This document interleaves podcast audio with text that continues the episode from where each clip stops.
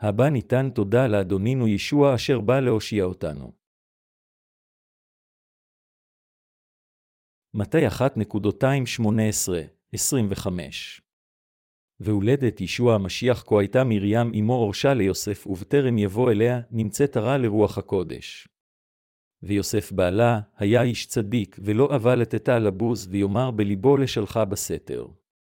הוא חשב כזאת, והנה מלאך יהיה נראה אליו בחלום, ויאמר יוסף בן דוד אל תירא מקחת את מרים אשתך, כי הנוצר בקרבה מרוחה הקודש הוא. והיא יולדת בן וקראת את שמו ישוע, כי הוא יושיע את אמו מעוונותיהם. ותהי כל זאת למלט את אשר דיבר היא ביד הנביא לאמור. הנה עלמה הרע ויולדת בן וקראו שמו עמנואל, אשר פירושו האל עמנו. ויקץ יוסף משנתו ויעש כאשר ציווהו מלאכי ויקח אליו את אשתו. ולא ידעה עד כי ילדה בן את בכורה ויקרא את שמו ישוע. אנו מקבלים את פני חג המולד. נראה שזה הולך להיות לילה שקט וקדוש בשנה זו. העיר נעשתה שקטה ודוממת. קשה לראות את אורות חג המולד או קישוטים ברחוב כיוון שאנו עומדים בפני שקיעה כלכלית. זו חייבת להיות ההשתקפות של מצב הרע של הכלכלה בימים אלה. זה מזכיר לנו כיצד עלינו לשמור את אמונתנו כמו שיש לנו עוד חג מולד בשנה זו. הבא נסתכל בקטע. פסוק 21 אומר, והיא יולדת בן וקראת את שמו ישוע, כי הוא יושיע את עמו מעוונותיהם, אדונינו נולד בעולם הזה באמצעות בתולה, ונקרא ישוע. השם ישוע משמעותו שהוא האחד אשר יושיע את האנשים מחטאיהם. אנו, אשר כבר פגשנו את ישוע, שמחים כאשר אנו מקבלים את חג המולד. בכל אופן, אין שום משמעות לחג המולד אלא אם כן אנו מבינים את המשמעות של היום הזה. אם איננו מקבלים את פני חג המולד בישוע, איזו משמעות תהיה לחג המולד בשבילנו? אם נקבל את חג המולד בישוע, נוכל לראות שאהבתו של ישבעה עליכם שופעת. משמעות חג המולד היא שאלוהים, מלך המלכים, אשר יצר את היקום, שלח את בנו היחיד לעולם כדי להושיע את בני האדם מחטאיהם. כאשר אנו בו, חג המולד הוא יום השמחה וההודאה הגדול ביותר. זוהי הסיבה מדוע אנו מציינים יום כחג המולד כדי להודות לאלוהים. כמובן, זה אינו יכול להיות היום המדויק אשר מתואר בתנ"ך, יש אנשים הטוענים שיום זה הוא יום עבודת אל השמש. בכל אופן, אל לנו להפחית את משמעות חג המולד. יש אנשים המאמינים שזהו תאריך מוטעה של הולדת ישביה. לא משנה מהו היום המדויק, עלינו לחגוג את חג המולד כדי לזכור מדוע הוא בא לעולם הזה. כאשר אנו חוגגים את חג המולד, עלינו לחשוב עמוקות בישוע על אהבתו ועל הישועה שקיבלנו ממנו. במשיח, עלינו לחגוג את תביעתו של ישוע ולהודות לו על ידי האמונה שהוא הושיע אותנו מכל חטאינו. כדי שנוכל לחגוג באמת את חג המולד, עלינו להבין את המשמעות האמיתית של חג המולד. אנו מתפללים את תפילת יום ראשון. השעה עתה היא 11 ו-12 דקות בבוקר. אתמול היה 11 ו-12 דקות בבוקר, וגם מחר יהיה 11 ו-12 דקות בבוקר. המשמעות היא שהעולם ימשיך עד אשר אדונינו יחזור. עולם זה יתקיים עד שאלוהים יביא עליו את הקץ. בכל אופן, אם לא נבין את המשמעות האמיתית של חג המולד בישוע, איזה קשר יש לתפילה המיוחדת הזו ולנו? ל-25 בדצמבר, 11 ו-12 דקות בבוקר אין שום משמעות יותר מאשר עוד שעה אשר חולפת בשנה. כאשר אנו מתקרבים לסוף השנה, עלינו לבחון מחדש את אמונתנו בישוע. אני מתכוון לכך שעלינו לזכור את האהבה אשר ישוע נתן לנו ואת הישועה אשר קיבלנו. לכל דבר בעולם הזה, אפילו החיים עצמם והזמן החולף, אין שום משמעות ללא ישוע. מצד שני, לחג המולד יש משמעות רבה כל כך כאשר אנו מקבלים את פניו בישוע. אנו נושענו מכל חטאינו כיוון שהוא בא להושיע אותנו. אם הוא לא היה בא להושיע אותנו, ללא ספק היינו מיועדים לאבדון, אך ישוע הוטבל ונצלב בגללנו. הוא בא לעולם הזה באמצעות מרים הבתולה כדי להושיע את אמו מחטאיהם. לכן, חג המולד הוא באמת חג קדוש. לכן, ללידתו של ישוע יש קשר אלינו כאשר אנו מסתכלים על זה בישוע, אשר יצר את היקום ושולט בכולו ומנהל את בראשית ואת הסוף. לכן, עלינו לראות את העבודה של אהבתו האמיתית, ואת המים והרוח. העולם מתקיים כיוון שאלוהים ברא את היקום. אלוהים אמר שהוא יהרוס את העולם הזה כפי שהוא עשה פעם אחת בעבר. אנו יכולים לראות שהסוף קרוב. בדיוק כפי שאנו יכולים להרגיש ולהבין, או זוהי עבודתו של אלוהים, כאשר אנו צופים בישוע את מחזור השנה, אביב, קיץ, סתיו וחורף, אנו יכולים להרגיש שהוא ברא עולם חדש כאשר הוא הושיע אותנו מכל חטאינו. הוא הראה את יצירתו כדי שנדע שיקום זה ממשיך מכיוון שלכל יכול יש את השליטה על היקום הזה. בני האדם מאמינים כאשר הם רואים זאת בעצמם עם עיניהם שלהם. כאשר אנו באלוהים, אנו יכולים להבין בבירור כיצד הוא פועל. בכל אופן, כאשר אנו רואים את ארבעת העונות בישוע, אנו יכולים לראות את השגחתו העליונה של אלוהים בצורה היא בהירה ביותר. אם אנו מסתכלים על חיינו באלוהים, אנו יכולים לראות גם באופן בהיר את חיינו. כאשר אנו מסתכלים עליהם בישוע, אנשים רגילים חיים 70 או 80 שנה של חיים אומללים עד אשר הם מתים. נועדנו לחיות באומללות. אנו יכולים לראות שאדונינו בא לעולם הזה, הוטבל, נצלב, וקם לתחייה מן המתים כדי להושיע אותנו, אנו אשר היינו מיועדים לאבדון בגלל חטאינו, אחת ולתמיד. במשיח, אנו נושענו מכל חטאינו על ידי בשורת המים והרוח, וניצלנו מאבדון וקללה. לכן, עלינו להסתכל על כל הדברים דרך עיניים של אמונה במשיח. יש אנשים המטילים ספק בכך שמרים, שהייתה בתולה, יכלה באמת ללדת ילד. לאמתו של דבר, יש אפילו כמרים המטילים ספק שישוע נולד באמצעות מרים הבתולה. כאשר הם מלמדים ומעמדים פנים שהם חוגגים את התגלמותו, במציאות, הם אינם מאמינים שישוע באורח נס נהרה ונולד על ידי מרים הבתולה. אנשים כאלה מראים את טיפשותם כך. כאשר אנו לא רואים את פעולות האלוהים דרך עיניים של אמונה בישוע, איננו יכולים להאמין בדבר מכל אלה. הפסוקים אומרים לנו שישוע נערה על ידי רוח הקודש, ולפני שהוא נולד אלוהים אמר לקרוא לילד ישביה. כל זה נעשה כדי לקיים את מה שנאמר. יותר משבע מאות שנה לפני שישוע נולד, אלוהים ניבא באמצעות הנביא ישעיה הנה העלמה הרע ויולדת בן וקרת שמו עמנואל, ישעיה שבע וארבע עשרה דקות. זו הייתה נבואה שאלוהים יבוא לעולם הזה בגוף אדם כדי להושיע את בני האדם. כאשר אנו מסתכלים על זה בישוע, אנו יכולים לראות שזוהי עבודת האלוהים כדי לגאול אנשים מחטאיהם. זה נעשה כך כדי שאנו נוכל לראות ולהאמין שאלוהים ברא את בני האדם והושיע אותנו מחטאינו. בזה, בכל אופן, אי אפשר להאמין אם אנו מסתכלים רק דרך עינינו הגשמיות ומנסים להבין זאת על ידי היגיון אנושי. כתוצאה מכך, יש אנשים האומרים שאלוהים לא רק נהנה מיצירת בני האדם, אלא גם מסבלותיהם של בני האדם אשר נגרם מאכילת עץ הדעת טוב ורע. כתוצאה, לפעמים, יש אנשים האומרים זאת, אלוהים נהנה מיצירתו את בני האדם, אך הוא גם חושב שמאוד משעשע לראות את בני האדם סובלים מאכילת עץ הדעת טוב ורע. אך חברים נוצרים, העובדה שהארץ וכל שאר הפלנטות מסתובבים במסלולם, שיש שביל החלב, שלכדור הארץ הזה יש את התנאים המושלמים לחיי בני האדם, שיש יום ולילה, ושכל מיני פעולות מסתוריות וניסים בחיים עם דיוק שהמדע המודרני אינו יכול להבין, אומר לנו שיש אלוהים טוב לב. כאשר ישוע בא לעולם הזה, הוא נערה על ידי רוח הקודש, נולד, והפך לעמנואל, כדי לקיים את בריתו. במילים אחרות, הוא קבע את הישועה לפני יצירת העולם, והבטיח זאת לנו לבני האדם וקיים אותה כפי שהיא. רק העובדה שהוא בא באמצעות הבתולה בלבד היא ברכה בשבילנו, ואנו מודים לאלוהים על כך. כאשר אנו שמים את מבטחנו בישוע, אסור שיהיה לנו ספק. כאשר יש לנו ספק, הכל נראה מוטל בספק. זה מכיוון שכאשר אנו מעברים על ידי חטאינו כאשר אנו נעשים ספקנים ואמונתנו לא מושלמת, איננו יכולים לראות את פעולות הטוב המוחלט של אלוהים בשיעורן המלא.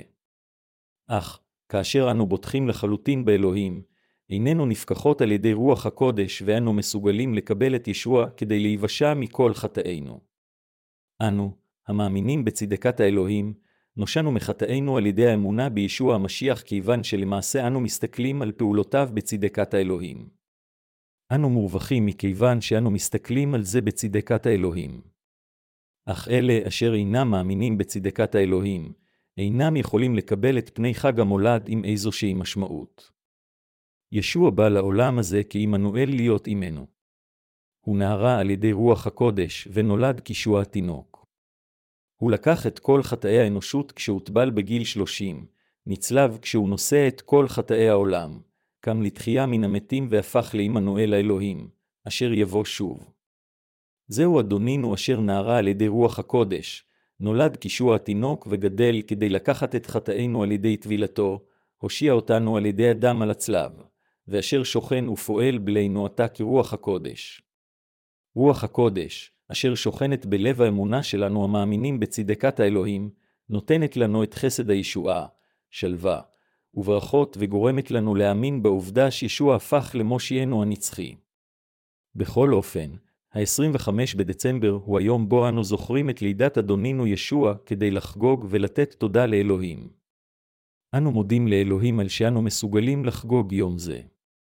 אם לא היה חג מולד ב-25 לדצמבר, כדור הארץ היה מקום קודר. בני האדם היו חיים בייאוש ללא ישוע. לא היה שום דבר משמח. בני האדם קיבלו תקווה חדשה על ידי עובדה אחת שמושיע בני האדם, מושיע החוטאים, מושיע האנשים אשר יהיו מיועדים לאבדון בא לעולם הזה. לא חשוב עד כמה אומללות הייתה בעבר, יש לנו תקווה לעתיד בישוע. איזו תקווה הייתה לנו בעולם הזה אם ישוע לא היה בה? אילו דברים עשו למעננו אלה הנקראים חכמים ואנשים קדושים בעולם הזה כסוקרטס, סקיים יוני וקונפוציוס? הם לא נתנו לנו דבר מלבד לימודי מוסר. מי בעולם הזה לא רוצה לנהל אורח חיים טוב? הם לא יכלו לתת לנו את הישועה מחטאינו, הדין והחורבן. ישוע הוא היחיד אשר הושיע אתכם ואותי מכל חטאינו. הוא בא לעולם הזה כדי למחוק את כל חטאינו על ידי טבילתו וצליבתו. רק אלה המאמינים בבשורת המים והרוח, שהיא צדקת האלוהים, נושעו מכל חטאיהם. אלה אשר לא מאמינים בצדקת האלוהים אינם יכולים להיוולד מחדש. מנקודת המבט הזו, אנו קיבלנו את מחילת החטאים על ידי האמונה שישוע הוא מלך המלכים, ועל ידי האמונה המאמינה שהוא בא לעולם הזה, הוטבל ומת על הצלב, וקם לתחייה מן המתים ונעשה למושיענו. יש לנו חיים חדשים ואנו הפכנו לאנשי האלוהים אשר יכולים להיכנס לגן עדן כיוון שאדוננו בא לעולם הזה כדי להושיענו. אלו דברי הימים של בני אדם אשר מוליכים להשמדה עצמית, כאשר אנו מכרסמים ובולעים אחד את השני. עד עתה, רק הייתה לנו היסטוריה של כרסום, בליעה והריגה אחד את השני. חטא ההריגה של אחד את השני הועבר לידונינו בנהר הירדן כאשר האדם הגדול ביותר בהיסטוריה של בני האדם הטביל אותו, ואנו נושאנו מחטאינו מיד כאשר הוא נצלב על חטאינו. אך ישוע בא לעולם הזה ולקח את כל חטאי החוטאים אשר כרסמו והרגו אחת את השני כשהוטבל בנהר הירדן על ידי האיש הגדול בהיסטוריה של בני האדם, והושיע אותנו מכל חטאי העולם מיד כאשר מסר את עצמו ומת על הצלב. אנו חייבים להאמין באמת הזו לאלתר. כך אדונינו נתן לנו את התקווה לישועה. עלינו לוותר על אמונתנו המאמינה ובוטחת בישוע המשיח כתוצאה מחיינו הפרטיים או בגלל ההיסטוריה האנושית. לא הייתה יכולה להיות היסטוריה אנושית ללא ישוע המשיח. לא היו יכולים להיות ערכי משפחה אמיתיים ללא ישוע בעולם הזה. לא הייתה יכולה להיות אמונה אמיתית או ישועה אמיתית ללא ישוע. הייתם יכולים להגיד, זה מה שאתה אומר מכיוון שאתה דרשן, בכל אופן, אין זה כך. ברצוני לתת דוגמה. הרגע אמרתי שלהייתה יכולה להיות היסטוריה אנושית ללא ישוע. הווה נבחן האם טענה זו נכונה או לא. בריטניה הגדולה, בעבר, כבשה מדינות רבות ולכן היה משפט האומר, השמש לעולם לא שוקעת באימפריה הבריטית, לא היו ימים באימפריה הבריטית אשר השמש שקעה בהם. כיוון שהמש שקעה בקולוניה אחת של בריטניה, בקולוניה אחרת של בריטניה השמש זרחה. לכן, השמש לעולם לא שקעה באימפריה הבריטית. כך הייתה בריטניה הגדולה רבת עוצמה בעולם, והיא כבשה את העולם עם כוח. בזמן ההוא היו הרבה פוריטנים בבריטניה הגדולה.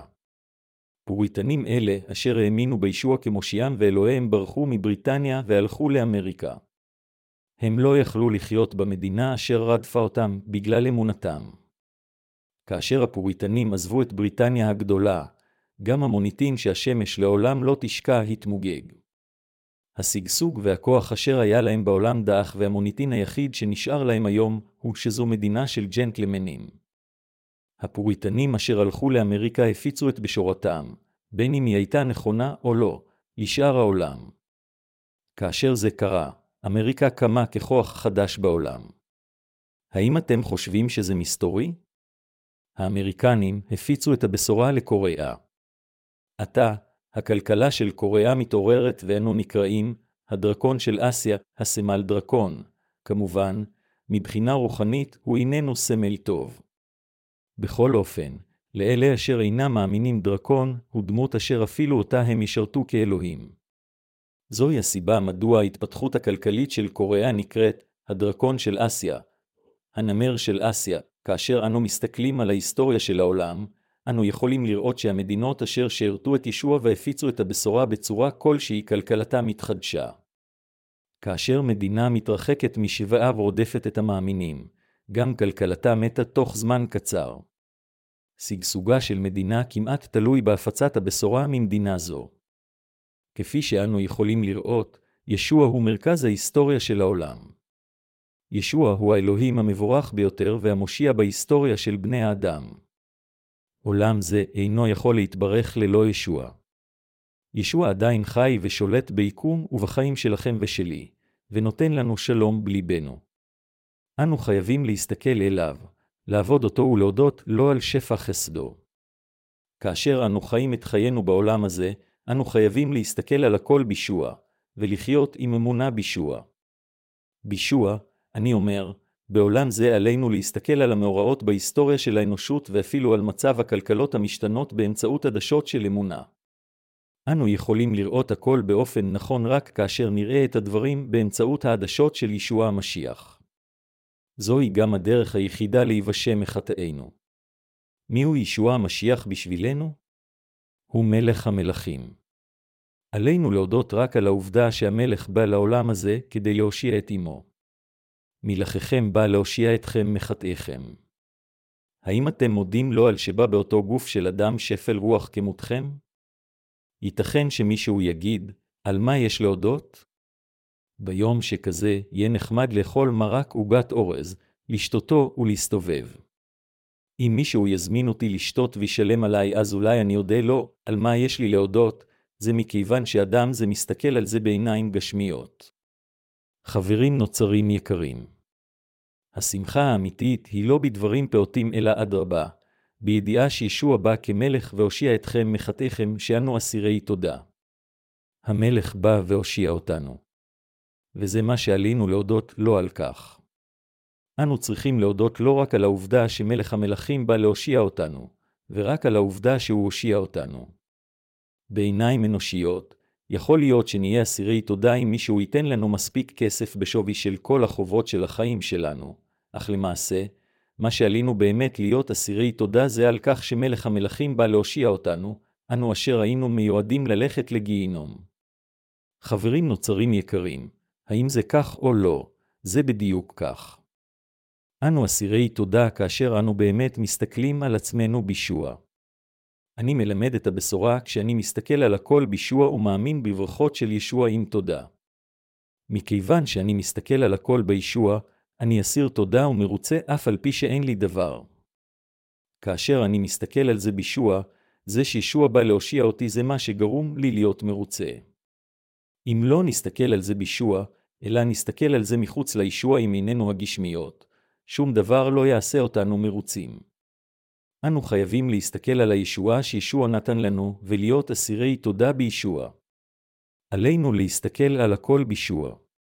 עלינו לפעול עם אחרים עם אמונתנו, לבחון את ההיסטוריה עם אמונתנו. עלינו לעמוד מול הכול עם אמונתנו. עלינו לראות אנשים אחרים בישוע, ועלינו להסתכל על הכל בישוע. כאשר אנו עומדים בפני העולם עם אמונתנו, יש לנו שלווה אמיתית וברכות בליבנו. כאשר אנו נוהגים כך, יש לנו חיים אמיתיים, שלווה וברכות בישוע. זוהי הסיבה מדוע אנו אסירי תודה. כל פעם שאנו מסתכלים בישוע, אנו יכולים להיות נאמנים למצווה, שמחו תמיד, התפללו ללא הרף, תנו תודה על הכל, כאשר איננו מסתכלים על זה בישוע, איננו יכולים שלא לבכות תמיד, לבכות ללא הרף, ולבכות על הכל, אתם ואני חייבים לראות הכל בישוע. כאשר אנו מקבלים את פני חג המולד הזה, עלינו להיות אסירי תודה שמלך המלכים בא להושיע אותך ואתכם, ושהוא הושיע אותי ושהוא מחה את כל חטאי בני האדם. עלינו לקבל את חג המולד הזה עם סוג האמונה הזה, ולהיות אסירי תודה. חברים נוצרים יקרים, האם עלינו להיות אסירי תודה על כך או לא? אנו אסירי תודה. האם אלו הם מעשיות או אמת? זוהי האמת. כתבי הקודש אומרים, ותהי כל זאת למלט את אשר דיבר היא ביד הנביא לאמור. הנה עלמה הרע ויולדת בן וקראו שמו עמנואל אשר פירושו העל עמנו, מתאחת נקודותיים 22-23. האם אישה לא נשואה יכולה ללדת ילד בעולם הזה? ובכן, אישה לא נשואה יכולה להיות עם ילד לפני הנישואין. לנשים רבות יש ילדים מחוץ לנישואין. זה מוכח כאשר אנו מבקרים בבית יתומים. ילדים רבים ננטשים בבית היתומים על ידי אמותיהם שלא נישאו. משפחות ממדינות זרות מאמצות חלק מהילדים שנולדו מחוץ לנישואין. כמובן, ישנם מקרים בהם לאישה לא נשואה יש ילד. בכל אופן זה שונה מבתולה אשר יולדת ילד כיוון שזה אפשרי שאישה לא נשואה תדע גבר. אין אישה בתולה על כדור הארץ אשר לא היו לה יחסים עם גבר ואשר ילדה ילד. ייתכן שתגידו, האם לא יכול להיות שהייתה לה הפריה מלאכותית, אישה היא גבר עם רחם. אישה אשר יש לה רחם יולדת ילד. אך אישה זקוקה באופן בלתי נמנע לגבר כדי לתת ילד, כיוון שרק לגבר יש את הזרע של התינוקות בשביל רחמה. מרם גם הייתה אישה עם רחם. בכל אופן, לא היה לה גבר. מרים הרתה לילד מרוחה הקודש. זה נובע יותר מ-700 שנה לפני הולדת ישביה. הנה עלמה הרע ויולדת בן וקראו שמו עמנואל, המלאך גבריאל הופיע כדי להעביר את המסר מאלוהים שמרים טהרה את ישוע. המלאך אמר, אישה מבורכת, חסד האלוהים יהיה עמך את תלדי אדם חשוב, אז מירים שאלה, לא ידעתי שום גבר, כיצד יכול להיות לי ילד? גם לקרובת משפחתך, אלישבע יש ילד בגילה המבוגר, העובדה שאשתו של זכריה, אלישבע הייתה עם ילד בגילה המבוגר, או העובדה שבתולה הרתה ילד, נעשו על ידי הגשמת הנבואה באמצעות השגחתו העליונה המיוחדת של אלוהים. אז מרים אמרה, הני שפחת יאי. יהי לי כדברך, וקיבלה את המסר אשר המלאך הביא, והילד גדל ברחמה. זה היה ישוע המשיח. מכיוון שאין זה שקר אלא האמת, אנו אסירי תודה, ואלה המאמינים בכך מבורכים. אנו, אשר במשיח, איננו יכולים להודות לאלוהים מספיק על שנתן לנו את בנו היחיד. בכל אופן, בשביל אלה אשר אינם מאמינים באמת הזו, חג המולד הוא שום דבר מלבד יום בו פוגשים את המעשר של חג המולד בכנסייה. מאות אלפי דולרים יכולים להינתן באמצעות תרומה מיוחדת לחג המולד, תחת העמדת פנים של חג המולד.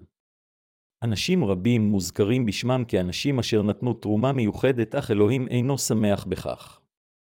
עלינו להיות אסירי תודה שעבודת האל שלנו אינה התאספות של העמדת פנים, אלא חגיגה אמיתית של הולדת ישוע והודיה לאלוהים. אנו מודים לישוע על שבא להושיע אותנו מהחורבן ומהחטא ועל שהושיע אותנו מכל חטאינו. מבין השנה שחולפת, חג המולד הוא היום שבו אנו מנציחים את קבלת החדשות המבורכות ביותר במסגרת בשורת המים והרוח. עלינו להיות אסירי תודה על ידי אמונה אמיתית בבשורת המים והרוח עם ליבנו והישועה בישוע. עלינו גם להאמין ולשפוט הכל עם אמונה ועיניים אשר רואות בישוע ולהמשיך עם אמונה גם בשנה הבאה. האם כולכם אסירי תודה לאלוהים? אדונינו נתן לנו חסד נפלא באמת. כאשר ישבה איתנו אנו כה אסירי תודה שאיננו יכולים אפילו להתחיל להודות לו. אנו נותנים שבח לאדונינו.